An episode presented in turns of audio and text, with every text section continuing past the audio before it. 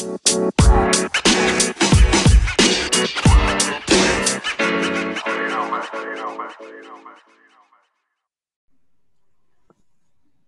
lo masih dengerin lagi podcast Kepo Kepo Kepo episode 45. Dan ini masih di seberang sana nih ada teman gue dia gitaris band C dan dia punya label indie juga ya. Ada Peter Walando. Halo Pet. Halo, hey. ya. Pagi-pagi nih gue deh gila nih. ya nggak apa-apa, biar segar. Uh. Ya.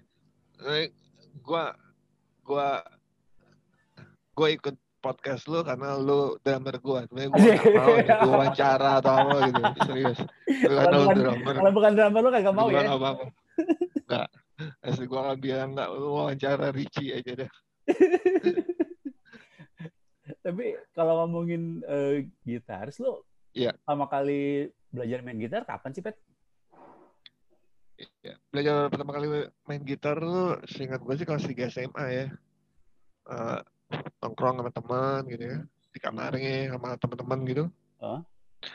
ya ini kebetulan eh, mereka suka eh kita suka dengar musik gitu hmm. fanatik Metallica gitu ya nah jadi bahkan pertama kali belajar lick gitar tuh kalau nggak salah ya itu main gitarnya Fade to Blacknya Metallica gitu petikannya itu intro oh. gitu terus ya dari situ lah dari terus Iya, itu sih sebenarnya. Belajar main gitar kelas 3 SMA. 3 SMA ya? Itu emang lo otodidak belajar itu ya? Kalau gue belajar sama temen sih. Terus sama apa tuh buku. Sebenarnya sih ya diajarin temen kayak misalnya kunci Fatu Black ini, Wonderwall begini, hmm. Oracle gini, kunci-kunci gampang-gampang gitu lah. Oh. Iya, dari situ lah. Dan waktu itu emang emang dengerinnya Metallica dong, apa ada band lain juga yang lo dengerin? Ya dulu mah kan alternative nation ya. Iya. Yeah. Oh, ada R.E.M, Radiohead gitu ya. Uh, Pearl Jam, Nirvana, Metallica, macam-macam sih dulu kalau lagi pas lagi gue SMA ya. Hmm. Dari radio-radio gitu. Terus ya gitu, setiap pulang dari sekolah main dulu ke rumah teman, uh. nongkrong. Ya itulah, genjang-genjang dan lain-lainnya gitu. Jadi hmm. itu, itu sih sebenarnya awal gue kenalan sama gitar gitu ya. Sebenarnya gue juga bukan gitaris yang gape atau kayak gimana ya. Hmm. Tapi ya, ya gue belajar, gue kenalan sama gitar kayak gitulah. Oh. Hmm. Itu lo waktu itu emang uh, gitarnya masih minjem atau lo udah punya gitar sendiri? Aduh, ya minjem sama temen lah. Eh enggak, kalau di kamar temen gue kan dia ada dua gitar gitu. Uh. Gitar akustik, Allegro, gitar murah gitu. Ya. Dan gitar pertama gue, gitar akustik gue inget sih ini. Kayaknya gue dapet dapet duit lebaran atau apa gitu ya. Uh. Terus gue beli ini gitar merek Sakura gitu, akustik. uh. Tulisannya sih media Jepang gitu. Gue belinya di MG. Oh di MG oke. Okay. Iya. Dulu tuh harganya kalau nggak salah tujuh puluh ribu. Gila. Tapi tujuh puluh ribu itu kan mungkin dulu tahun sembilan delapan gitu kan. Gede lah. Sembilan tujuh. Iyalah masih ya. Masih nggak ini. Kalau nggak salah tujuh puluh ribu sih. Ya udah. Gitu. Ya dari situ tuh belajar main gitar. Tapi apa namanya justru adek gue yang justru lebih jago pas lagi udah ada gitar mungkin karena teman-teman di kampusnya juga ngajarin main gitar gitu hmm, hmm, hmm. ya udah bisa main lagu satu de coklat gitu gue masih Wonderwall yang gampang-gampang oh. gitu sih ya itulah Sakura Nah waktu itu kenapa akhirnya lo mutusin untuk beli gitar sendiri? Apa emang lo mau udah mulai serius atau gimana? Ya pengen lah ya. Uh. Pengen lah. Kan nongkrong terus udah gitu musik musik ketika itu tahun 98 97 itu lagi bagus-bagusnya lah. Iya. Yeah. Lagi keren-kerennya lah kreatif gitu ya. Hmm. Kira gitar band gitu lah, band-band bergitar. Ya itu sih. Ya buat kulik-kulik gitu. Dari pengen mau punya band pelat. Iya gitu. Tapi waktu itu udah mulai ngeband atau baru baru apa baru latihan-latihan aja? Latihan sendiri. Ya, baru gitu. latihan aja sih. Band pertama gua kalau nggak salah sih pas lagi kuliah. Iya lagi kuliah sih. Jadi jadi ada dua band dulu. Hmm. Jadi dulu ada komunitas pecinta musik gitu. Hmm. Uh, ngeband. Tapi kalau nggak salah, eh ya gue gitar sih kalau nggak salah ya. Atau bass ya, gue nggak tahu ya ini lagu-lagu slow rock gitu lah, oldies gitu lah. Tapi yang satu lagi sama temen gue, nah itu ini band-band kebanyakan nguliknya di rumah sakit gitu. Wih, nah. kayak gitu, iya. Itulah. Nah yang ya itu sih inget gue. Gimana? Ya, komunitas itu komunitas kampus atau di luar komunitas musik? Iya komunitas musik gitu, komunitas musik kampus lah. Hmm. Kayak krem krem namanya kreasi musik mahasiswa gitu oh iya iya iya gue ya. tahu tuh itu di kampus lo emang tuh oh benar ya iya ya, gitu. masih ada itu masih ada sekarang tuh organisasinya iya emang sih ya gitu lah namanya ya pengen ngeband punya musik gitu eh hmm. ya gitu lah ngeband aja sih sebenarnya kayak keren gitu tapi pas lo kuliah itu untuk uh, referensi musik nambah nggak atau atau masih sama kayak waktu SMA? Ya nambah sih ya, hmm. nambah gitu, gitu. Karena ya kan ada MTV gitu, terus teman-teman nongkrong gitu ya. Hmm. Ya ketika itu kan, ya gua gua gua ber, makin kenal banyak ini ya, mulai dari Britpop, uh. Slow apa namanya rock rock rock tahun 70-an, klasik rock gitu ya maksud gue ya. Yeah. Terus hardcore. Terus ya juga punk juga gitu ya. Dan lain-lain macam sebagainya gitu. Hmm. Ya sebenarnya sih dulu sih nggak nggak ada kayak wah gue akan ngulik banget apa enggak sih hmm. tapi ngulik iya sih ya. khususnya kayak band-band yang gue suka gitu ya gue juga udah pernah bikin band hardcore di kampus. Band Britpop juga pernah kayak gitu. Ya apa namanya ya eksplorasi referensi kan. Kalau dulu kan dari kaset sama radio men. Iya iya iya. Sama datang ke teman terus apa namanya bikin kaset kopian gitu ya. Uh. Dari antar dari di tab deck gitu di copy gitu iya iya iya lalu didengar di rumah kayak gitu Gitu. Tapi kalau yang lu inget, lu masih inget gak sih kayak eh, kayak uh, apa ya kayak uh, scene musik di apa ya di kampus lo di waktu lo kuliah itu seperti apa? Maksudnya apakah emang secara genre beragam apa? atau mungkin hanya hanya ada hanya ada genre tertentu saja waktu di kampus Gimana? lo itu di kampus lo itu?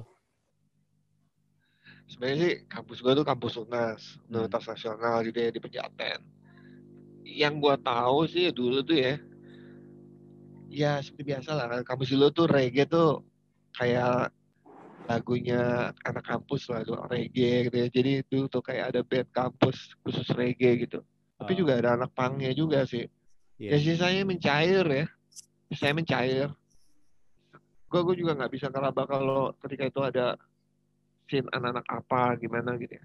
Mm-hmm. tapi top 40 lah macam-macam lah ada kayak gitu. Nggak maksudnya ya beda kayak IKJ gitu yang udah sophisticated lah referensinya gitu. Yeah. band-band kampusnya. Kalau di UNES ya penting anak reggae anak punk gitu. Meski mereka juga suka ngundang beberapa band gitu main di di UNAS gitu ya gue banyak ya ketika itu gue, gue jadi tahu banyak kayak band antiseptik oh kayak gini media distorsi oh gini gitu.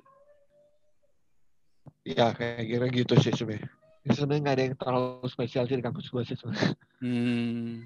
uh-uh. tapi berarti emang dulu kampus lo sering banget bikin acara ya? Karena kan secara area kampus lo gede banget kan? Iya sih. Tapi acaranya pun juga kayak gitu aja sih. Nggak ada yang spesial sih. Kalau nggak hmm. salah dulu pernah undang Junpan Gangfu kalau nggak salah ya. Anjir tuh band kayak tahun 2000 yang ya, gede banget tuh. 2000, iya. iya emang kayak gitu sih. Kayak dari Sosi pernah tuh Sasko juga pernah main di di kampus gua. Cuma ya biasa aja sih sebenarnya. Uh, gignya pun juga biasa aja gitu hmm. nggak ada yang kayak iya ketika itu pensi belum ini di kampus gua iya iya. Ya cuman sporadis aja kayak UKM ini bikin gig UKM itu fakultas ini fakultas itu.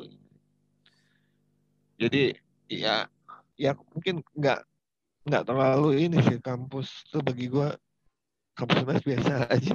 Hmm.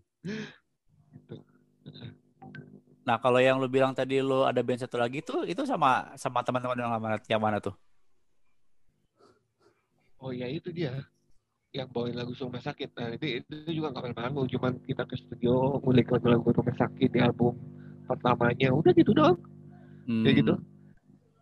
Ya sembari gua belajar gitar.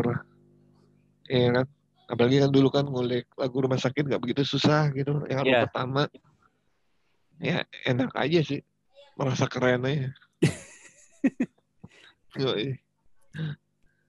iya tapi waktu kayak uh, lu mas ini gak sih sempat ngerasain apa ya kayak ngerasain uh, riuhnya sin poster cafe gitu gak sih dulu lo? Uh, gua tuh mah gua telat sih ya dan gua nggak tahu lah kalau itu ada gitu. Mm -hmm. uh, karena juga gua lingkar pertemanan di SMA pun juga ya ada yang tahu mungkin acara itu tapi nggak nggak sampai di, diobrolin tuh eh nonton yuk acara poster cafe lagi gini. Uh. sekali bilang bangen gue kalau nggak salah gue ke poster cafe malah emang ketika poster cafe udah nggak ada jadi jadi ini jadi biliar. Lagi kampus tuh iya benar udah jadi biliar gede nah itu gue main, main di situ. Hmm. Gue baru tahu kalau ada, oh ini ada acara namanya poster cafe, iguana cafe atau apa pas lagi justru bukan karena gue dari kampus, tapi pertemanan gue di luar kampus gitu. Dulu gue punya temen-temen gitu, jadi ketika itu ada temen gue ngajak gue pit, temen gue punya band Morrissey The Smith, lu mau nggak? Nih gue kasih ininya. Dia ngasih gue, oh enggak temen gue ngasih ngasih kasetnya gitu. Tapi gue udah tahu Morrissey lebih dulu gitu. Oh ya oke okay, gue mau gue mau. Udah. Nah, main latihan nongkrong di rumah basisnya hmm. ya udah gue hang out sama mereka. Sejak itu hang out sama mereka. Nah itulah gue ngulik Britpop, punk rock, Britpop mostly lagi deh. Justru ya teman gue, uh, dia tinggal di Pangadegan waktu itu. Ya itu sih sebenarnya. Tapi itu udah ketika di era 99 2000 lah gitu ya. Jadi ya udah poster udah nggak ada. Iya udah nggak ada sih bener sih ya tapi gue pernah ngeband gitu eh ngeband manggung lah istilahnya hmm. manggung kalau nggak salah mang itu manggung pertama gue kali ya Petro lo hilang Pet Pet halo halo ya Najil ada iya gue rasa itu manggung pertama gue sama mereka Hmm. salah. Iya sih, iya sih. Manggung waktu itu di Wijaya gitu. Jadi di depan PT IKA tuh oh? itu tuh ada ada ada kafe. Ada kafe di lantai dua ya. Lupa gue namanya apa gitu. Ya itulah. Tapi waktu tapi habis itu huh? ya? Iya lanjut lanjut lanjut. Ya tapi habis itu ya yang karena temen gue di pengadegan juga punya studio jadi ya latihan ngejam hmm. gitu ngulik-ngulik ngulik lagu baru oh ini yuk kita main ini nah, udah jadi dari Britpop lah ini oh itu yang udah udah Morrissey itu yang bawain Morrissey itu? Iya tuh. Yang apa namanya? Most is the reason bukan sih? Bukan ya? Atau itu? Bukan. Most oh ada lagi. itu punya Aca. Oh ini, ini yang pertama kali lah. Hmm. Itu Commotion Generation tuh gue dia diajak sama Aca Chat Answer kayak berapa tahun yang lalu lah. Hmm. Buat, yuk kita ini tujuh tahun lalu mungkin. Lupa gue dah. Kayak gitu. Kalau ini lama. Lama ya. Ini juga anak-anak ini juga pernah manggung di poster kalau nggak salah. Kayak gitu. Oh, yeah. oke. Okay. Gitu. Nah, tapi waktu lo udah mulai ngeband-band itu lo udah udah mulai punya gitar elektrik sendiri atau masih minjem atau masih minjem minjem gitu? Minjam. gua gua belum punya gitar. Iya, gua punya gitar pertama kali justru ketika gua ketika gua udah kerja sih. Oh, udah punya duit sendiri ya? Iya. Yeah. yeah. Gue beli gitar, gue beli gitar ini, Semic dulu. Hmm. Semic yang bentuknya karena gue suka leger gitu yang gitar ini gue beli aja lah yang bentuknya kayak gitu yang hollow body gitu. Oh. Berapa ya? 1,8 juta gitu. 1,8 juta. Terus gue kasih Bixby-nya biar kelihatan kayak gimana. Akhirnya gue jual juga tuh akhirnya gue jual ya satu koma empat kalau nggak salah ya. Di tengah malam di suatu malam gitu dekat Casablanca tengah jalan COD gitu kan COD-nya di pinggir jalan ya. gitu COD-nya di pinggir jalan dekat Casablanca yo yo iya kayak gitu tuh. Ya itu gitar pertama gue setelah Semek lu beli apa lagi? Beli gitar ya, apa tuh? Itu ya gua, gua ada ada ada band Morrissey juga kan setelah itu. Uh. The ah. Grassmeres waktu itu. Oke. Okay. Nah, itu pas di band itu gua udah gua pakai gitar itu. Hmm. hmm. Setelah gitar lu jual lu sempat beli lagi? Enggak sih. Waktu itu bahkan ketika itu bahkan pas lagi gue bikin band Damaskus gitu gue minjem gitarnya Pandu kalau lagi manggung atau apa gitu. karena nggak ada gitar uh... iya nggak ada gitar tapi pas lagi Damaskus gue masih pakai gitar semik itu sih sebenarnya hmm. jadi sempat gue jual tapi setelah berapa lama gue beli gitar lagi gitu. pet jual suruh kecil pet iya tapi setelah berapa lama ya gue beli gitar itu lagi beli gitar lagi lah gitu. Tuh. Kecil pet. Sorry pet. Sorry pet. Halo halo. Masih kecil? Masih masih. Jauh gitu. Jauh? Hmm. kayaknya frekuensinya tapi aman sih halo halo. Nah ini dah nah. Nah bikin Damaskus tuh kalau nggak salah udah lama sih kali ya lupa deh. Entah antara 2007 hmm. 2006 ya? Iya 2007 atau 2006 mungkin. Gimana tuh cerita awal lu, lu bisa gua, bisa bikin Damaskus sama Survivor oh. Ya gara-gara gue gue suka banget sama Survivor Right, Madani, tapi gue lebih suka banget sama Survivor gitu ya. Jadi ya udah, ini gue pikir gue harus punya band hmm. kayak model gini gitu dan ketika itu kalau di rumah gue kayak nemu berapa lick-lick yang kayak keren nih gitu ya. Hmm. kayak nemu masih kunci-kuncian gitu dan kayaknya asik suaranya gitu. Terus ya udah gue kontak tuh dulu tuh kayak, kayak Freddy hmm. sama Pandu. Bertiga. Baru bertiga tuh dulu. Iya iya. Tiga gaming gitu ya bikin lagu. Mostly semuanya sih lagu pasti dari gue semua sih gue bikin. Hmm dia lah kita manggung kalau nggak salah sekali lah. Dua kali deh di rumah orang di rumah bule gitu lah kayak compound gitu lagi ada acara hmm. sama di acara di Eastern Promises. Kayak gitu. Manggung tuh waktu itu. Oh. Ya Eastern Promises Damaskus. Sebentar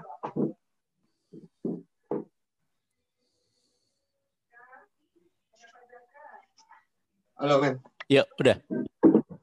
Iya, jadi maksudnya gua tuh iya di Stone Promise tuh di Kemang gitu, hmm. Bandung Damaskus.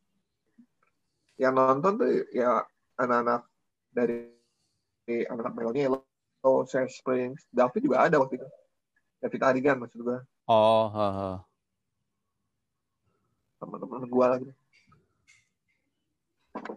Itu sih. Tadi kan uh, Lo kan uh, bilang suka banget sama screwdriver ya? Enggak, kalau screwdriver tuh skinhead nazi. Surf driver. Eh, sorry, surf driver. Sorry, sorry. Iya. Apa yang bikin lo suka dari band ini? Enggak, gue suka suka banget lah karena sugestinya surf driver tuh sebenarnya bukan enggak sebenarnya apa ya? Dia tuh lebih lebih grunge ya, grunge indie rock hmm. gitu ya.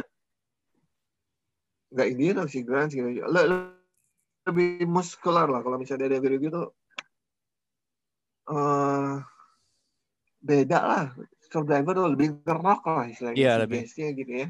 Nggak nggak delay nggak nggak reward yang ngawang-ngawang gitu. Beda sama slow dive ya? lebih broadcast gitu. Iya lebih ngerok lah gitu. Dan itu keren hmm. banget menurut gua.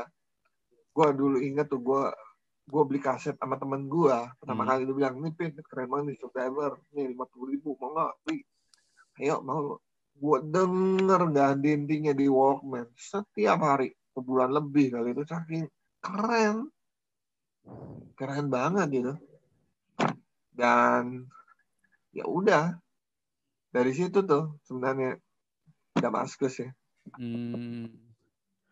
tapi emang kalau gue denger juga emang makanya kalau lu denger lagu makanya lu kalau denger album Damaskus ya nggak ada yang ngawang-ngawang ribu. Iya nggak ada. ngawang-ngawang oh nggak ada lebih ngerok lah lebih ngerok lebih spiritnya sama spiritnya. Ya. Kayak gitu. Lebih ngedepanin apa gitar gitu. Hmm. distorsi drum. Kenapa namanya Damascus Pet itu dikasih itu dikasih nama sama adik gue sih dari sebuah buku.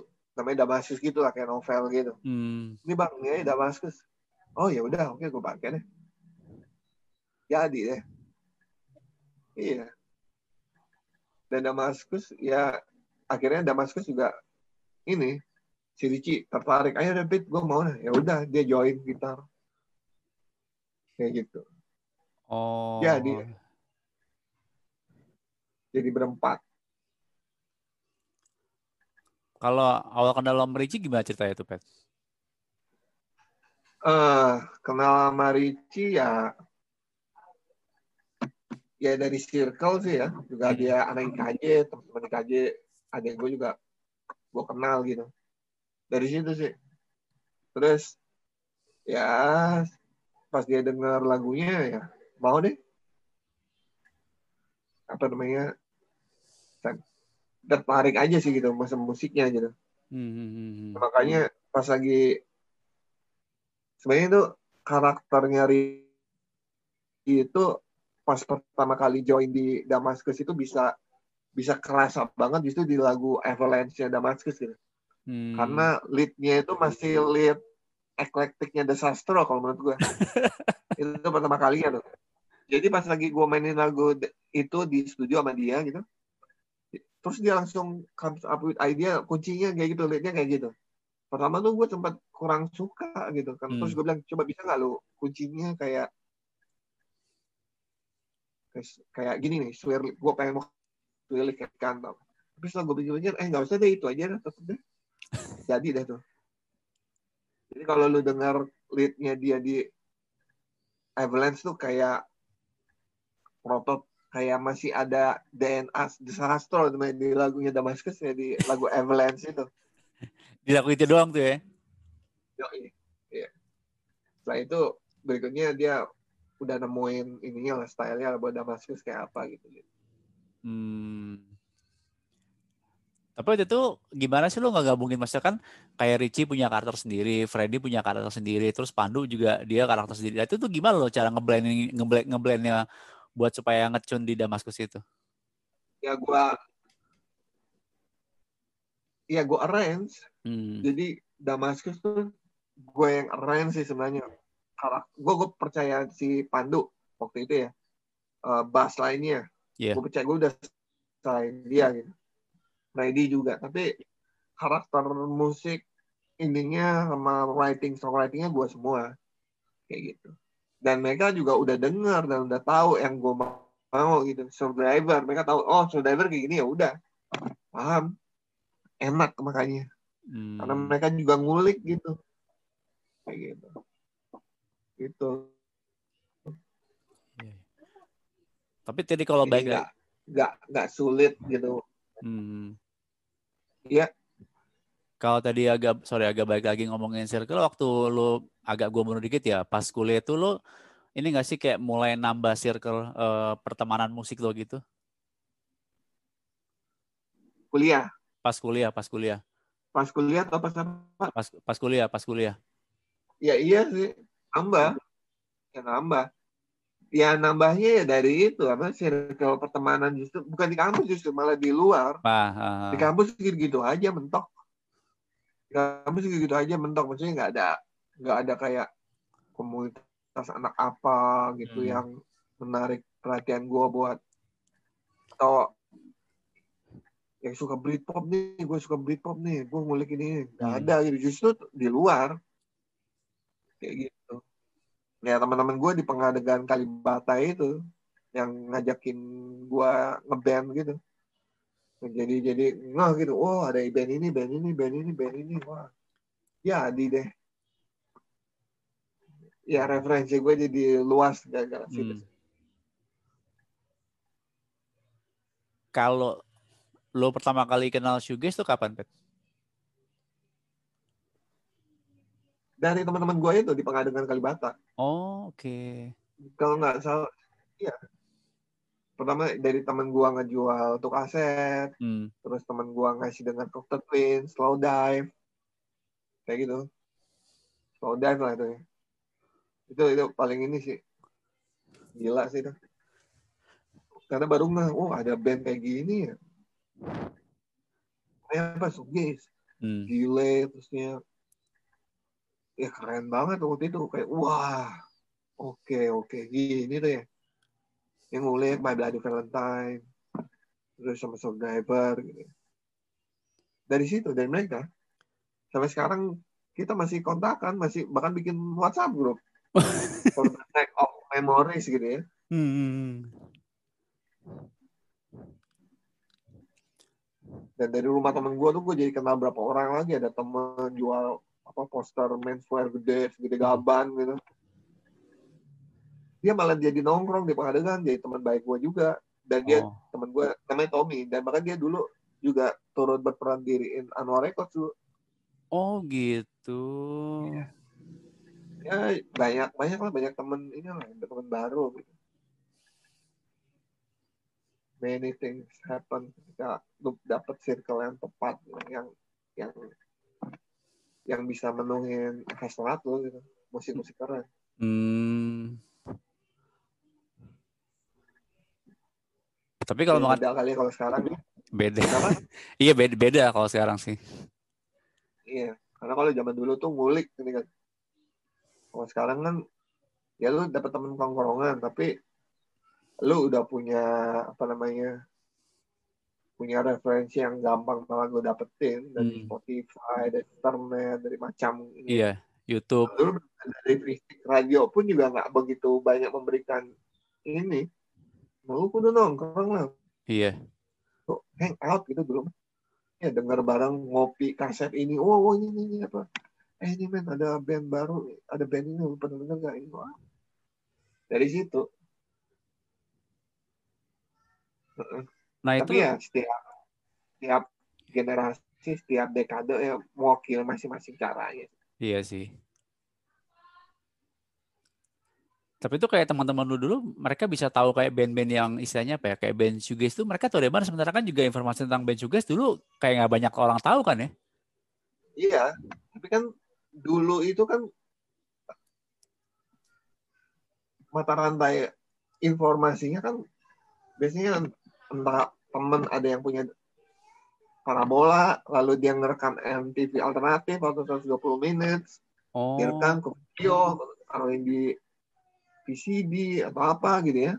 Lalu bootleg teman-teman yang dari luar atau kaset-kaset di area Koreus atau orang-orang dari yang belajar di luar negeri bawa kaset-kaset ke sini terus didengar. Lalu ya udah ini aja kayak kartu domino. Eh mau dengerin nggak? Dengerin nggak? Kopi kopi atau banyak itu kan dulu dulu juga banyak soalnya. Kaset kaset bootleg. Kaset kaset bootleg Morrissey itu banyak. Hmm. Ride juga sempat ada Britpop banyak gitu. Jadi ya itu ininya. Dan juga dari newsletter atau majalah gitu ya. Ketika Oasis meledak lalu Cliff bikin bikin apa namanya? Bikin eh High bikin Cliff gitu tentang Oasis ya. Ya kan banyak tuh. Apa namanya? Oh ternyata Noel Gallagher pernah jadi krunya Inspiral Carpet. Yang ngulik lah. Apa tuh Inspiral Carpet gitu jadi ngulik hmm. apa pun itu jadi kayak ketika gue dapet subscriber hmm. kan ya gue ngulik ketika ketika itu ngulik ya dari allmusic.com sih karena pas lagi pre internet internet udah ada udah ada warnet gitu ya iya yeah, iya yeah, yeah. pas lagi di allmusic ketika gue klik subscriber dan gue klik suggest tuh ada banyak banget band-band suggest yang gue nggak tahu nah itu gue gue gue download satu single masing-masing dari band-band suggest itu ketika itu pakai LimeWire iya. Yeah. di kantor gue LimeWire gue gue gue dengar gue download satu satu gue nggak tahu lagunya apa tapi gue dan tuh gue nggak jadi kayak Dover tuh apa Swirless, Drop 19 tuh apa. Banyak lah men spiritualize gila ya. Nggak tahu ada MP lu tuh ada MP3 nya tuh? Gila. Iya Dulu tuh emang buat nyari referensi musik emang perjuangan banget dulu ya. Tapi pas lagi udah ada internet, hmm. referensi gua tuh gue cari di allmusic.com. Oh, gue sempat tahu tuh situsnya tuh. Karena kenapa? Karena ketika dia bikin bio apa namanya ada page tentang satu band, uh. dia ada similar artis sama genre-genrenya. Ketika lu klik genrenya, uh. Allmusic tuh ngejelasin band-band apa yang ada di genre itu. Oh. Buat buat jadi tahu chapter house iya, yeah, yeah. tahu dog medicine ya dari situ semua. Iya. Pustaka pustaka genre pertama gue tuh allmusic.com hmm. dan biar gue tahu lagunya kayak apa gue pakai LimeWire. Buat download ya? Buat download. LimeWire kan bisa nulis swear list hmm. pancake. Nongol tuh lagu satu. Download deh oke. Okay. nah cuman kalau sekarang budaya ngulik itu yang gue menurut gue kurang sih.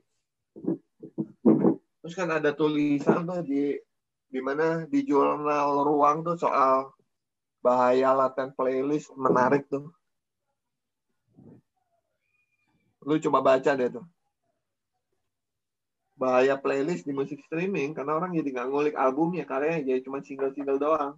Oh iya iya kalau kaset kan mau nggak mau lo mesti dengerin semuanya kan ya. Coba baca deh bagus. Ya kaset CD apa pun itu ya. Iya iya iya. Tapi balik lagi itu, itu kan apa namanya uh, perjalanan apa namanya revolusi revolusi musik streaming atau apa pun itu ya. Iya iya. Yang sebenarnya balik lagi buat mengedukasi budaya ngulik tuh penting sih sebenarnya. Hmm. Gitu. Yang balik lagi sebenarnya dari masing-masing band dan label gitu. Kayak hmm. harus merapikan diskografi gitu menjelaskan diskografinya gitu album ini apa ngerti kan maksud gua iya iya iya setnya apa yang dibawa. Itu caranya tuh kalau mau bikin orang-orang sekarang ngulik sama musik lu lu harus educate them gitu. Untuk archivingnya diskografinya. Lalu iya seperti itu. Karena ketika lu bisa mem, um, mempresentasikan diskografi lu message-nya atau apa itu termasuk juga kebutuhan dari ini sih dari media-media juga sih. Kayak throwback tuh penting sih kayak mesin digital gitu kayak kayak misalnya nih kalau lu punya kalau lu band punya tiga album gitu ya ya lu tampilin nih kita punya lo album ini. Kalau lu bikin behind the stories kayak gitu jadi orang ngeh gitu message-nya. Gitu sih. Lu kudu baca kudu baca tuh men jurnal ruang nanti ya habis zoom boleh, boleh. Soal layanan Nanti gue kasih dah linknya deh. Boleh ntar share linknya aja. Itu itu website gitu ya, jurnal ruang itu ya? Jurnal ruang tuh ya media, iya media, ini apa nih? Iya website dari orang-orang ini kolumnis gitu, anak-anak muda gitu yang bagus kok. Ya setahu gue gitu kali ya. Gue hmm. salah ininya. Tapi tulisannya bagus-bagus. Nah, kemarin teman-teman gue ngebahas itu lah dan menarik sih emang iya ada benarnya juga ya, ya. dan tuh kayak kayak balik lagi menurut gue ini bicara soal budaya ngulik dan balik lagi budaya ngulik nggak akan bisa lo iniin kalau kita nggak bisa mengeduket dari pihak band, hmm. mengeduket followernya gitu ya, yang dengar gitu sama dari para label. Menarik nih. Karena judulnya aja ini bahaya laten budaya playlist. Karena ketika lo media streaming menyediakan playlist, hmm. kan cuma satu satu lagu, jadi tapi itu pun juga sembari dengar gitu men. Hmm. Sembari denger kalau 15 detik agak enak atau apa langsung dilewatin. Iya, iya. Kan jadinya nggak ada nggak ada engagement atau apa namanya experience gitu ya so private experience dari para pendengar gitu karena begitu cepet gitu kan yang tinggal skip aja kalau lagu jelek ah udah ini ini ya iya benar benar bahkan kalau dengar kan nggak nggak merhatiin judul atau apa kalau gua nih ya. Hmm. kayak gitu. Ya benar. Ini apa namanya? Tapi balik lagi. Ya itulah. Ya udahlah Tapi emang gue ngerasain sih pet zaman kaset dulu kan kalau lo dengerin musik kayak masih atau-atau terus gue baca liriknya, gue baca judulnya kan di yeah, apa di covernya itu iya. Uh, tapi ini sekarang kan kita ber atau di CD atau mungkin vinyl semacamnya. Iya. Yeah. Tapi ya balik lagi apa namanya uh, ya ini kan cuma kayak ngejar cuma bisa dengar banyak atau apa karena uh, kalau menurut gua nanti lu, lu bisa baca lah ini ini ada banyak banget sih ininya panjang tulisannya gitu ya tapi menurut gua kalau yang gua tangkap ya itu apa namanya ya kayak lo ada experience kayak lo beli kaset lo denger lo lihat ininya ketika lo yeah, yeah, yeah. experience-nya ketika udah digital streaming apalagi di tengah pandemi lah distribusi fisik sekarang udah mulai berkurang hmm. kita nggak tahu kapan nih pandemi bakal kelar sehingga pada akhir ya baik akhirnya tiap band atau label pun juga berpikir terus gimana caranya bisa tapi balik lagi untuk membawa experience itu ketika lu punya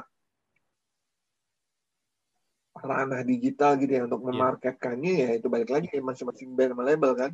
Hmm ibaratnya oke okay, sekarang ya masing-masing punya cara lah gitu. Iya iya iya. Kalau mungkin kalau band-band besar nah, bisa relax dengan dia, tapi kalau bisa buat band-band baru, band-band kecil gitu ya atau label-label kecil, ya butuh effort sih. Tapi balik lagi effortnya tinggal soal kreativitas aja sih. Menurut hmm. gue konten gitu ya. ya. Ya mau gak mau sih. Gua gua masih percaya fisik, gua. Gua masih percaya fisik. Cuman balik lagi harus pintar ketika lo mau merilis fisik lo harus pintar biar nggak nggak jadi ngerepotin bagi si band sama si label lah gitu kalau nggak laku paham gak maksud gue iya paham paham benar-benar ya balik lagi ya itu ya lo harus mengeduket mengkampanyekan lo harus iya mengedukasi ini ya itulah tapi kalau menurut lo kayak kan kayak ada beberapa band ini kan mereka bikin kayak video lirik gitu itu menurut lo cukup bisa ngasih experience yang bagus sih ke ke pendengar gitu? Ya itu salah satu. Ya itu salah satunya. Hmm.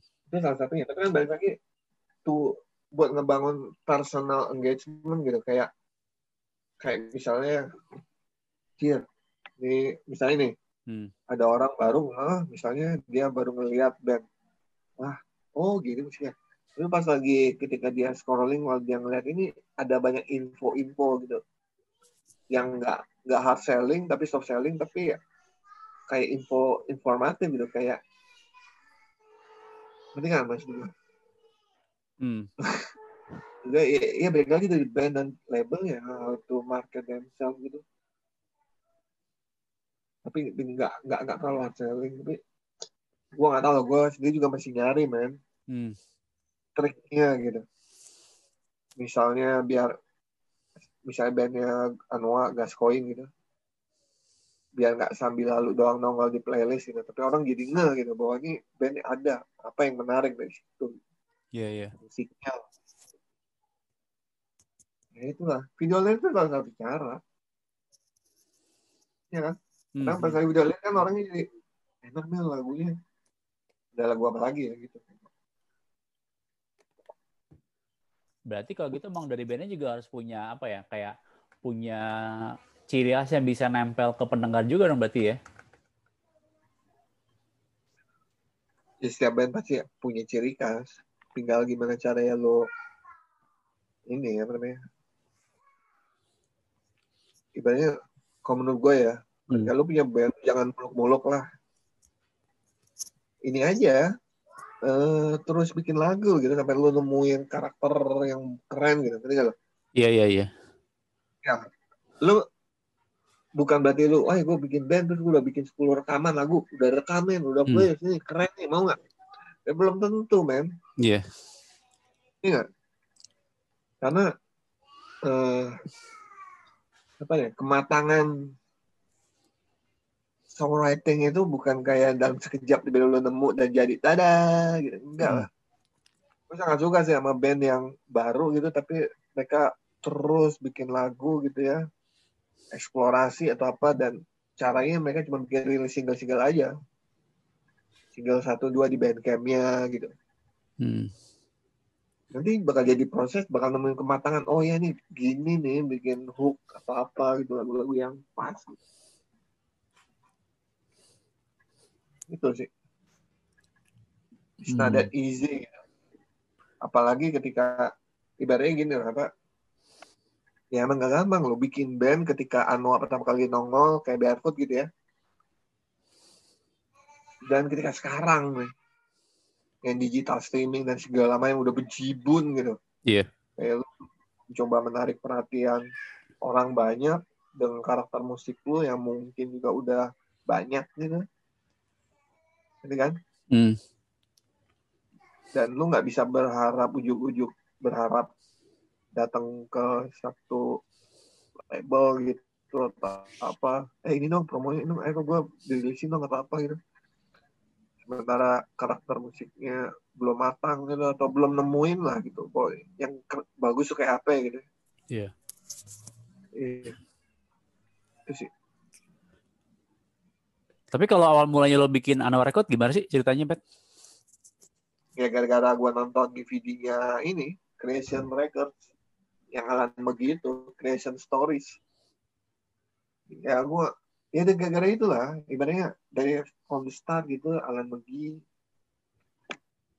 apa namanya, di Skotlandia, Glasgow gitu ya sampai dia bikin band, bikin band, terus bikin label, lalu dia ngerilis band-band yang dia suka. Keren dong. Iya, keren sih. Dia suka dan, dan menjadi sebuah karakter trademark gitu. Keren. Hmm. Cuman kalau Anwar Records ya gitu, nyambi. Nggak, belum ada fokus gitu. Genrenya emang campur-campur ya emang ya? Siapa? Kalau Ando Record ya milih-milih artis ya atau atau lo punya punya genre spesifik gitu? Sebenarnya yang penting alternatif sih kalau Ando ya dan enak gitu ya. Hmm. Enak dan alternatif gitu dan enak gitu. Yang ibaratnya gue tahu orang-orang yang dengar kayak apa. Iya. Yeah. Kan nggak mungkin lah gue ngerilis band hard rock atau heavy metal atau greencore gitu. Uh. Sementara gue nggak tahu scene-nya kayak gimana gitu. Maksudnya, ngerti kan? Iya, yang ngerti-ngerti. Pokoknya ini gue ini yang gue tahu lah kayak kayak indie rock, suges, elektronik atau macamnya gitu ya. Terakhir tuh yang paling ini punk pop itu. Apa? Popang. Saturday Night Karaoke ya? Ya. Itu masih enak dan gue juga ngulik gitu cukup ngulik lah karena gue juga suka dengar Ramon sama The Queers dan bandnya tuh juga suka lagu-lagu kayak gitu hmm. dan tuh band jadi sempat naik gara-gara sempat di review sama siapa salah satu personel NoFX ya ya sebenarnya SNK itu gerilyanya udah udah luar biasa bahkan sebelum di Anoa ya mm-hmm. mereka bisa tur Jepang dua kali ya rangkai tour di Jepang loh dua kali loh. Oh gila mantap sih itu. Yang bagus dirilis sama beberapa label di Eropa hmm. Amerika Asia. Jadi mereka mereka ini nggak main-main gitu. Masalah apa namanya popularitas mereka dalam tanda kutip di Indonesia nggak nggak sebesar kayak Rocket Rockers atau Pui Gaskins mah hmm. ya nggak peduli amat lah bandnya juga gitu. Hmm. tapi mereka pengen musik mereka didengar lebih banyak iya iya iya. Dan mereka melakukan apa yang mereka suka gitu.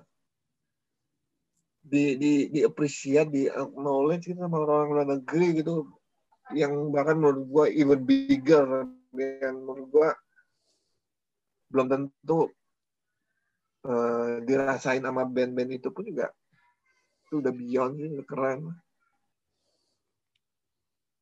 Keren. SNK tuh gak hanya di notice tapi mereka juga punya a good relationship sama scene yang ada di sana apalagi scene yang di Jepang gitu. Itu keren itu bang klipnya bang pas mereka lagi tur ke Jepang ya? Klip yang mana? Klipnya yang si siapa ya? Ada cewek yang pakai baju anaknya baju sekolah orang-orang Jepang gitu. Oh enggak dong, itu itu teman-teman kita juga namanya Rega. Oh. Itu syutingnya itu di Indonesia di Bandung di oh, iya. masjid alun-alun sama di pasar lah di pas di di mana di di Bandung. Oh, enggak. Gue kira di Jepang. Men, iya, enggak, enggak Jepang. Tapi lu lu bisa nonton live mereka kok di di Jepang di YouTube. Di beberapa kota. Ya, itu keren. Gitu.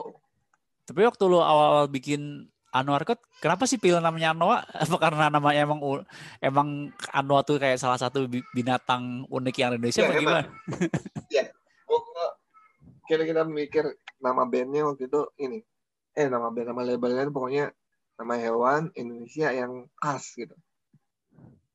Pokoknya jangan pakai yang sok-sok bahasa Inggris gitu lah kayak iya, iya. apa gitu kayak cool record atau apa gitu. Udah Anoa aja bahkan yang sub labelnya Anwar kan Tarsius yaitu binatang kecil Tarsius kan di di Indonesia. Hmm. gitu. Ya.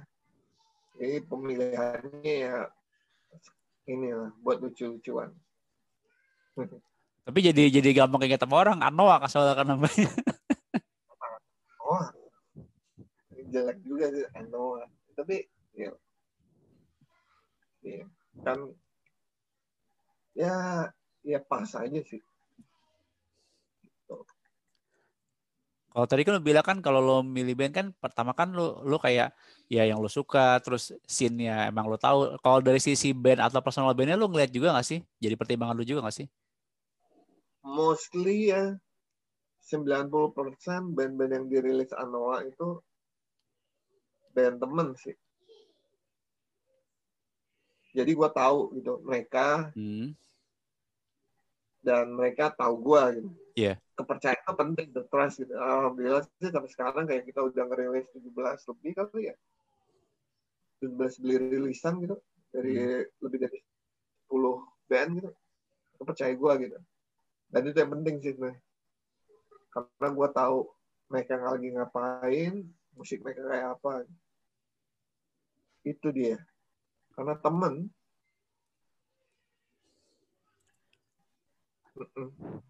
tapi pernah ada yang ini nggak? Mungkin kayak uh, datang ke lo mungkin uh, band itu mau minta di list tapi kayak ini sini kayak lo bener-bener kayak nggak tahu sama sekali. Ada nggak ya pengalaman gitu Fet? ada ada ada banyak ada banyak ya gitu. Kadang-kadang gue gue nggak tega ya. Kadang gue takut ngeguruin gitu. Mm -hmm karena ya nolak kayak bingung gue ya, ya gue juga bukan apa-apa lah anu tuh kagak gede-gede amat gitu. Ya tapi mungkin karena katalognya kali ya. Jadi anu tuh kayak tapi ya gitu. Uh, ya banyak.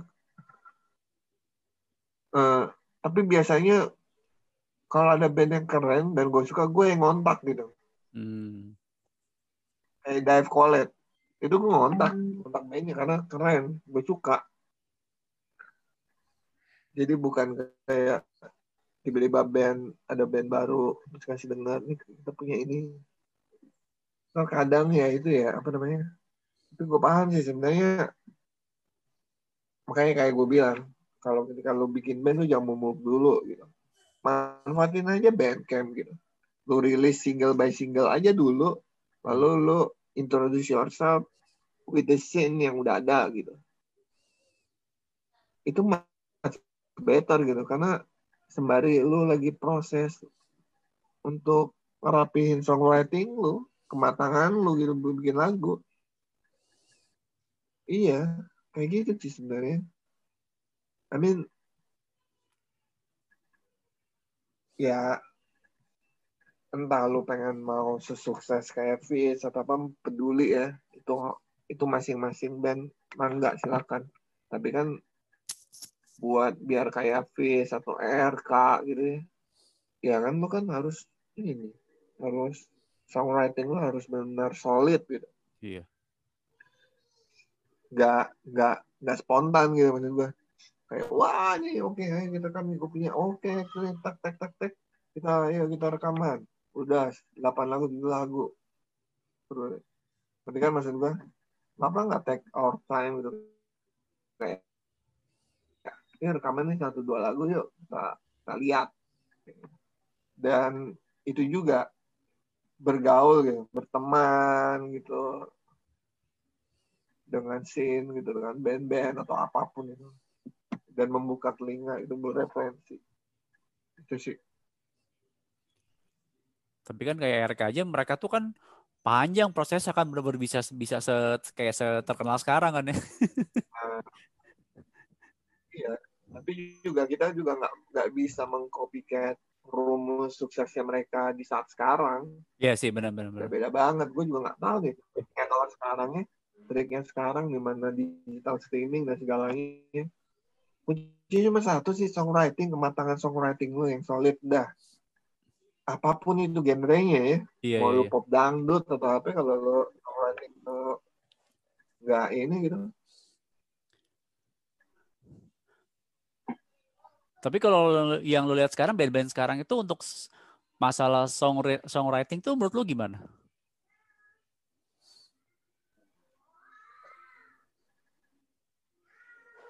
Nah, gue gak bisa ngomong sih itu ya. Tapi intinya sih, ya gue gak mau jadi kayak orang-orang, oh jadi gue kudu gini ya biar gue ini ya. Oh ini, emang iya sih. Cuman take your time aja santai tapi jangan muluk-muluk lah karena kalau kalau lu ayo kita harus ini harus ini hmm. wah kita harus ini terkadang jadi bikin lu lupa bahwa ingredient lu ngerilis musik itu apa kan yang enak didengar hmm. dan bagus keren kan iya yeah, yeah. bukan yang sesuai di pasar gitu Iya ada. Kalau lo mau milih, gue harus sesuai tren nih. Gue harus musiknya kayak Fizz yang unsur-unsur lirik politik atau beat-beatnya kayak bara suara atau serah nggak apa-apa. Nggak masalah. Tapi balik lagi lu ya itu dia songwriting lu dong kudu kudu solid gitu. Lu nggak harus sejago gitaris apa pun. Atau sejago drama apa pun ah gue juga bingung ya maksudnya ya Anoa pun band-bandnya juga nggak ada yang terkenal kenal amat nggak ada yang laku jutaan kopi yeah. atau apa I mean kalau misalnya yang dengar podcast ini make omongan gue ya juga salah arah juga sih. Kan gitu ya ya mendingan lu denger omongan orang-orang yang udah sukses gitu yang ya lebih baik gitu sih ya tapi sih kalau kalau menurut gue sih kayak kayak ya kalau mungkin kalau gue contoh kayak band-band di di label lo kan yang mereka kan udah apa ya kayak punya pendengar sendiri gitu loh bukan yang bukan yang semua orang pasti suka dengerin gitu kan istilahnya kan? Iya ya itulah. Ya gue pengen sih kayak misalnya barefoot atau seaside atau cafe canes atau apa ya band-band hmm. gue ya no, misalnya pendengarnya udah satu juta gitu. Hmm. udah udah sukses sampai dia mau. Tapi ya gitulah. Anwar kan nyambi ya sambil kerja gitu ya. Iya iya. Masalahnya gue tuh confidence banget sama kurasi yang gue lakuin gitu di Ano gitu. Band-band yang tepat ya. Hmm. cuman ya gitu lah ya gue waktu itu masih nyambi ambil kerja tempat lain. Emang butuh fokus ya. PR banget. Sekarang ini gue lagi mencoba fokus sih di Ano berapa bulan terakhir ini apalagi pandemi kan. Iya iya iya. Di rumah aja. Nah berarti kayak ya mencoba menata Noah lebih lebih rapi dulu lah. Berarti selama pandemi ini lu dap, apa ya? Dapat ide-ide apa untuk untuk pengembangan Anoa itu sendiri? Merilis band yang keren hmm. itu tetap sama lebih ini sih gua lebih berhitung ibaratnya kalau lu ngerilis fisik pada saat yang tepat dan yeah. ketika momen yang tepat dan ketika lu juga udah nge-build build building ini apa namanya an, atensi gitu terhadap si band itu. Hmm. Jadi nggak kayak ujuk-ujuk rilis. Karena apa? Karena sekarang pandemi kan nggak bisa ditebak. Terus yeah. banyak toko-toko yang juga kesulitan gitu. Yeah, yeah. Ada banyak tutup gitu. Ya gimana? Susah kan? Hmm. Balik lagi kan akhirnya di digital. Tapi itu pun gue akan ya itu dia ya kita mencoba lebih cermat aja sih kalau ngerilis fisik gua kan ngerilis fisik tapi akan lebih cermat gitu ngerilis fisik ya apa gitu gitu berarti gimana tuh kalau misalkan kalau misalkan kayak tadi lu bilang kan ada mungkin lu ada ada ini gak sih kayak strategi khusus misalkan tadi lu bilang kan momen yang tepat itu kayak gimana sih ketika lo momen yang tepat untuk merilis fisik apa emang ketika band udah dapat atensi gede udah banyak, udah lumayan banyak dengan terus akhirnya lo ngeluarin lirisan fisik atau gimana? Uh, ya bukan nungguin banyak gede ya balik lagi kan ketika PR-nya ini ya nama lebar hmm. harus mulai trying to educate follower dan mereka juga gitu soal ya ada banyak banget sih main elemennya gitu. Elemennya banyak banget. Ya gue juga akan ngerilis band-band baru gitu ya. Gue ada berapa band baru gitu yang emang pengen mau gue rilis di label Ano Records gitu. Dan ya gini dia gue harus bikin trik ya gue nggak bisa share sih oh. karena gue juga lagi masih dalam tahap mencari wangsit gitu di tengah malam gitu.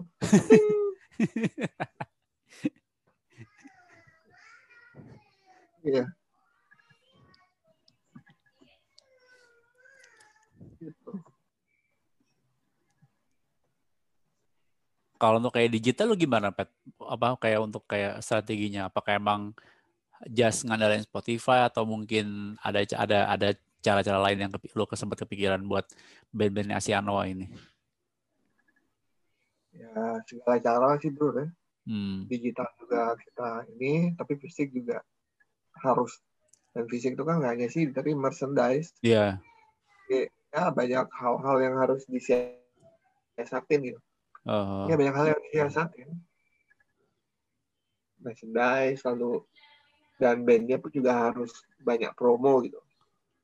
Gak hanya berpangku tangan lalu membiarkan label berjungkir balik. Gitu. Iya. Yeah. satu Denar Karuge itu termasuk band yang aktif. Dan gue suka banget itu tapi emang gerilya ya si satu naik SNK itu ya? Gitu lah.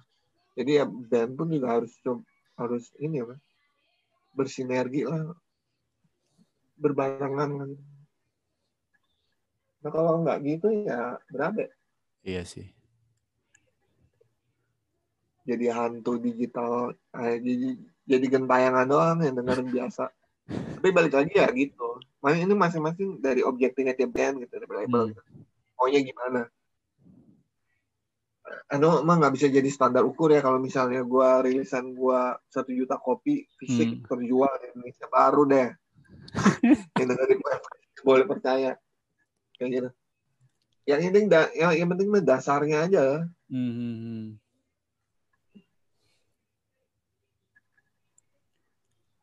Ya, ya. Yang ya itu lah. Objektifnya lo mau ngapain? Kalau misalnya objektif lo, lo pengen ini, ini, ini, ya lo lakuin dengan cara yang baik lah.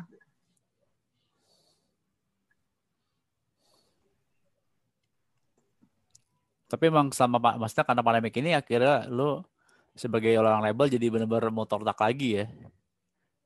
Yep.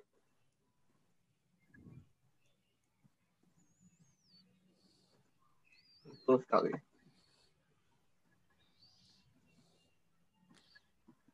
Iya, otak-otak.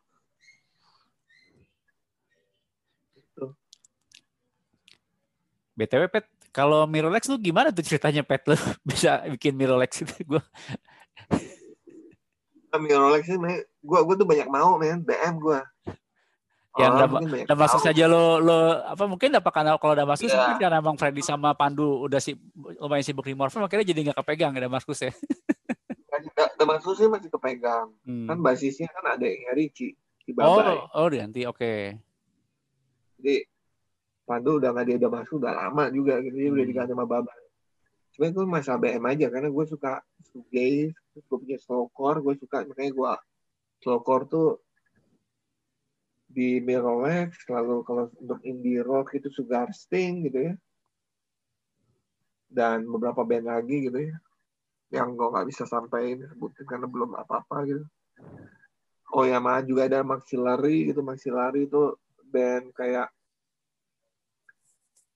kayak ektis post punk guitar band gitu lah. Kayak siapa kayak ini? Kayak moto The Monochrome Set gitu lah. Menurut gua. Yang judul lagunya Damage, Damage Goods. Ah, gue lupa nama bandnya. Bill. Apa? Aduh, yang lagunya Damage Damage Good. Aduh, gue lupa nama bandnya lagi. Lupa. Gue nggak tahu tuh.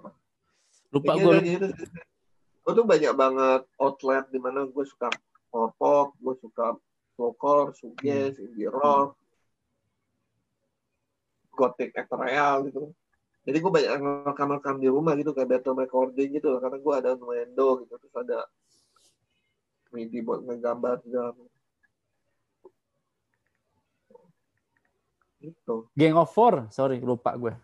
Gang of Four. Yeah. Kayak Gang of Four Oh, enggak. Lebih ke monochrome set sih. Lebih ke apa?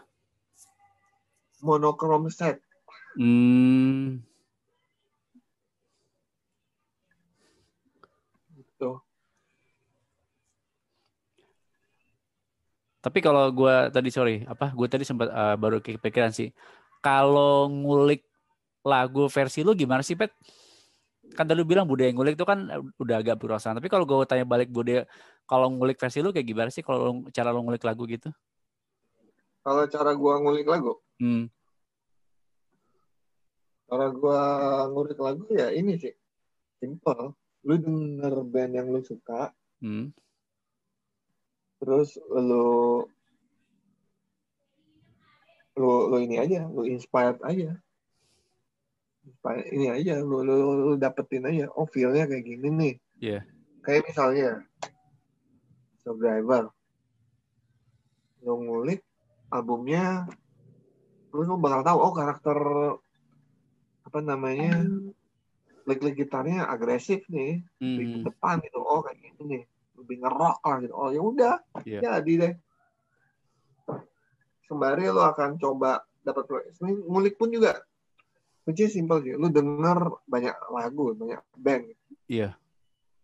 Karena dari situ lu bakal nge gitu. Misalnya lu suka dengan musik Britpop oh nih hooknya gini oh ini kayak gini.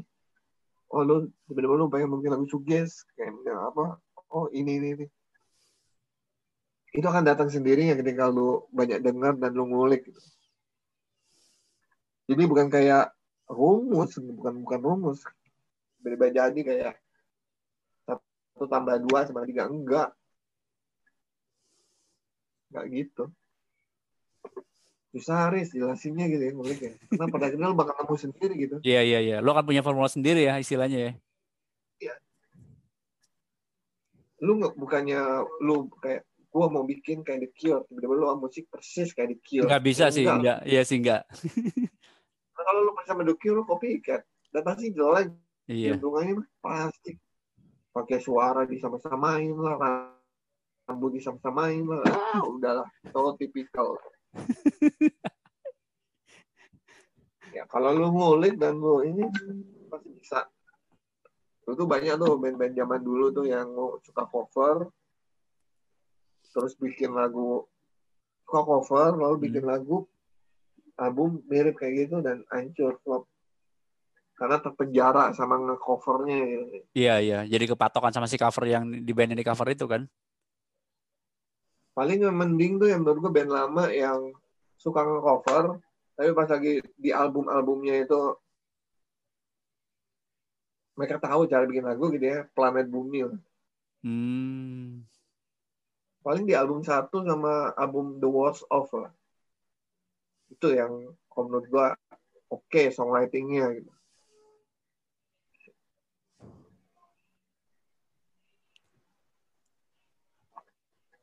gitu Nah, kalau masih kaitan soal ngulik, kalau untuk kayak efek gitar lu apa sih pertimbangan untuk milih kayak efek gitar gitu?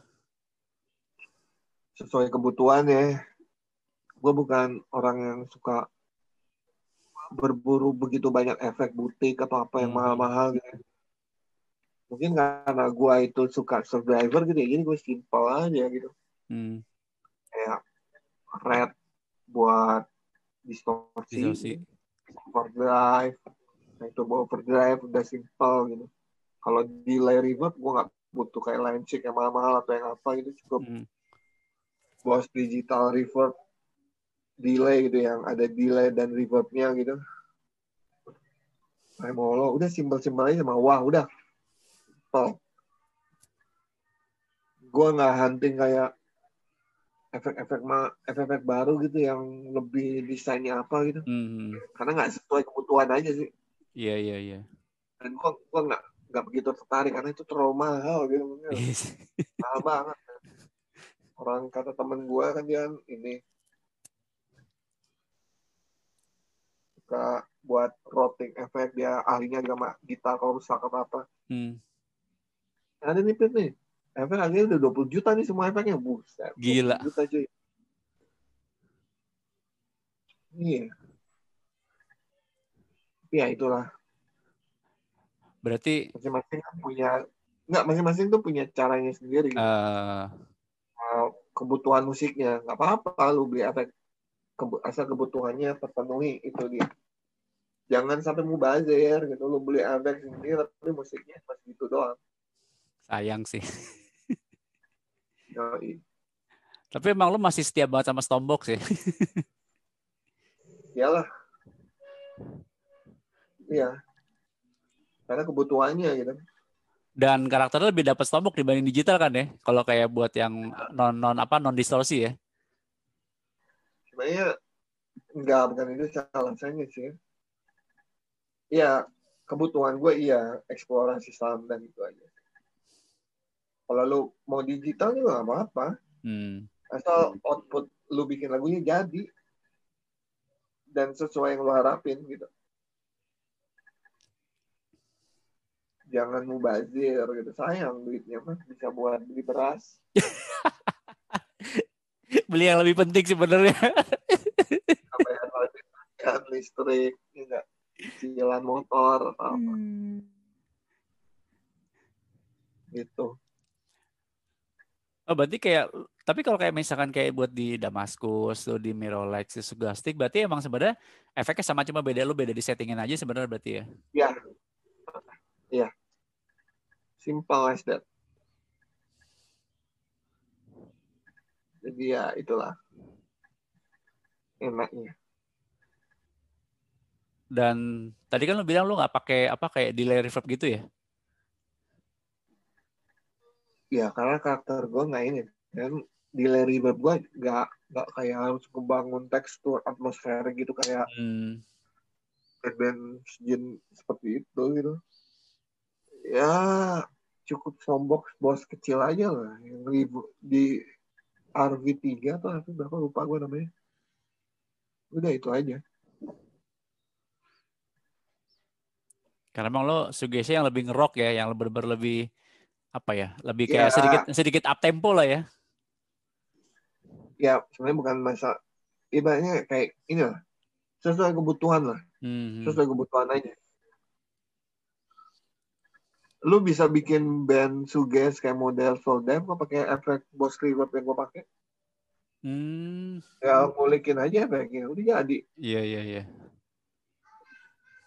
Jadi nggak nggak harus sebenarnya ya bukan masalah band gue begini gue beli efek enggak sesuai kebutuhan aja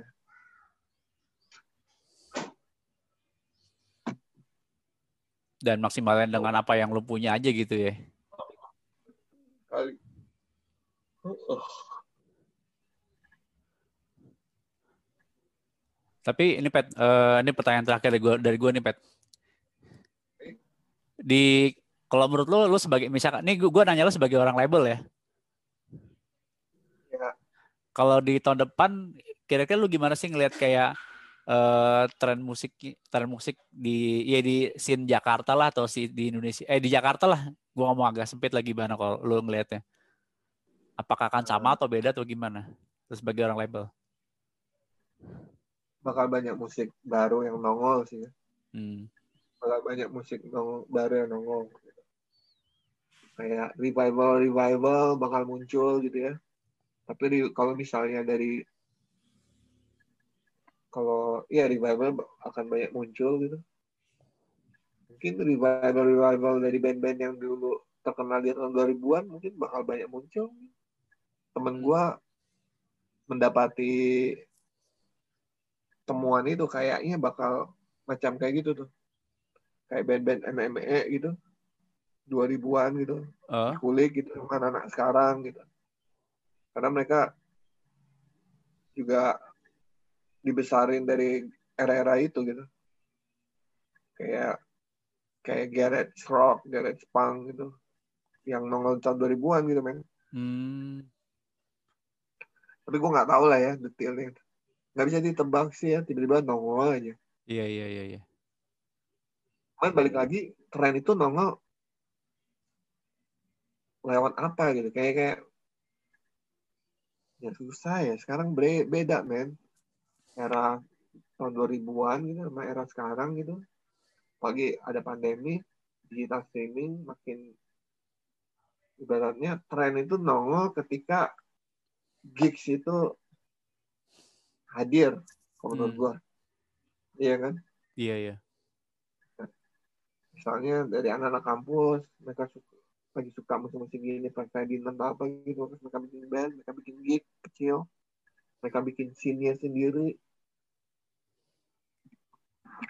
Gua gua bukan orang yang ahli untuk menerawang gitu. Asli. Pemain-pemain lama iya pasti kan. Uh.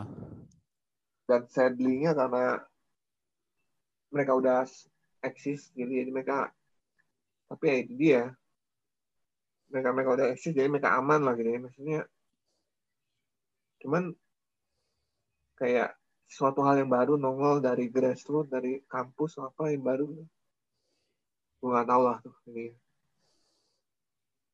Karena balik lagi kalau menurut gue sih ya tren muncul kalau misalnya lu ngeliat satu hal baru di sebuah gig atau scene baru gitu.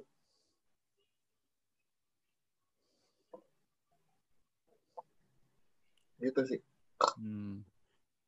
Pet, tapi sorry nih gue Gak apa-apa. Tapi sorry, gue, gue jadi kepikiran satu, satu pertanyaan lagi. Apa namanya? Uh, sekarang kan ini kan apa ya istilahnya? Ya?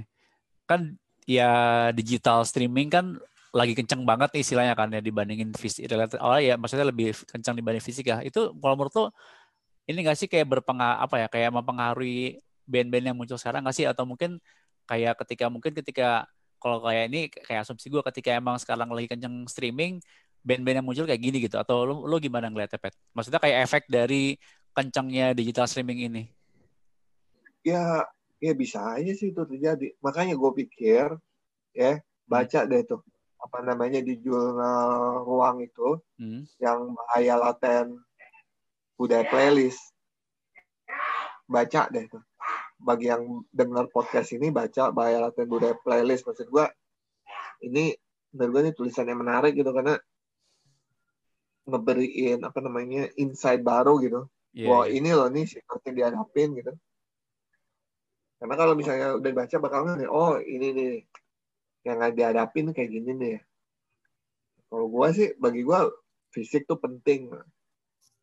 Digital juga penting tapi yeah. fisik lebih penting menurut gue ya balik lagi tiap band tiap label masing-masing punya cara yang berbeda gitu. Iya yeah, iya. Yeah. lu nggak bisa ngikutin cara label Anua yang tiap bandnya gitu aja gitu. Nggak nggak. Ya ya ya itu dia. Baca aja ini. Udah maksud gua dan balik lagi. Kalau lu pengen mau bisa dengan lebih banyak atau pengen mau bagi gue PR-nya tuh menjaga ini sih personal engagement antara si band sama pendengar gitu. Hmm, yes. Dan itu gak bisa dicuekin. Maksudnya kalau lu ngebiarin aja ya udah lu nggak bisa dapet. Lu cuma rilisan lu cuman hadir di playlist aja yang didengar gitu. Jadi kan ya. Personal engagement cuma bisa dapat ketika lu bisa ngadirin itu nggak jadi sosmed lu ya juga di rilisan lu gitu bisa gitu apa pun kaos apa justru yeah. kan malah sekarang di sosmed malah apa ya kayak menjaga engagement antara band sama sama pendengar malah lebih malah makin deket banget kan ya. ya harusnya.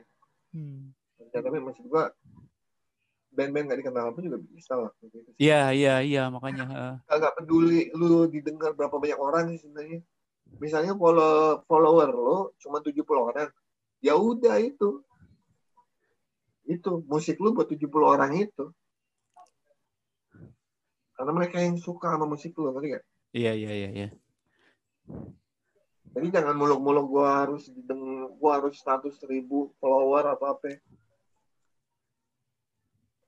Lu bisa nggak bangun engagement 70 orang karena nanti 70 orang itu yang akan lebih appreciate musik lu gitu.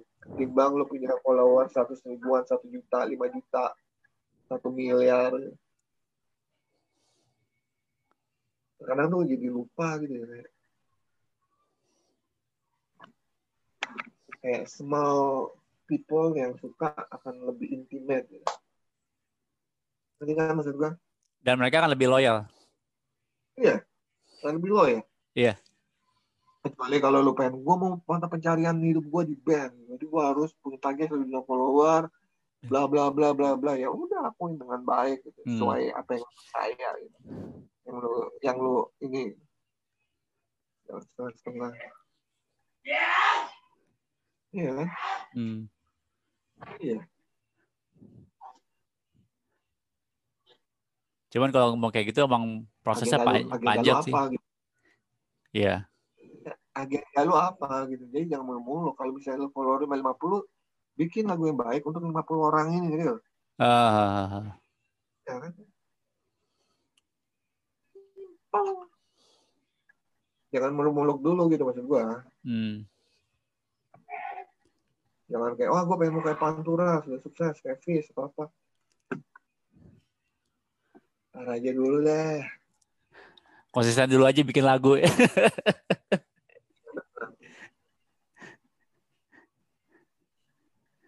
sosial media tuh kayak cuma sarana buat follower lu bisa komen berinteraksi sama lu iya. dan bangun engagement ya. juga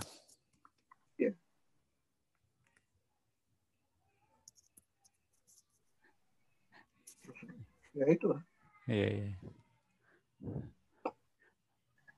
Oke, Pet. Thank you, Pet ya. Udah mau gue okay. kepoin ya. ya, Riz ya. Udah ngajak gue ya. Semoga ini yang dengar nggak banyak karena nanti gue bakal diomongin. Maksudnya udah buat temen doang kan nih. Apa? Ya, buat temen doang gitu kan. Kepo-kepo, kepo ini gitu. Ya hmm. mungkin akan teman gue teman nggak tahu kalau teman gue akan akan nyoba akan nge-share ke yang lain gue nggak tahu deh. I hate, I hate karena lu aja dokter gue jadi ya. ya.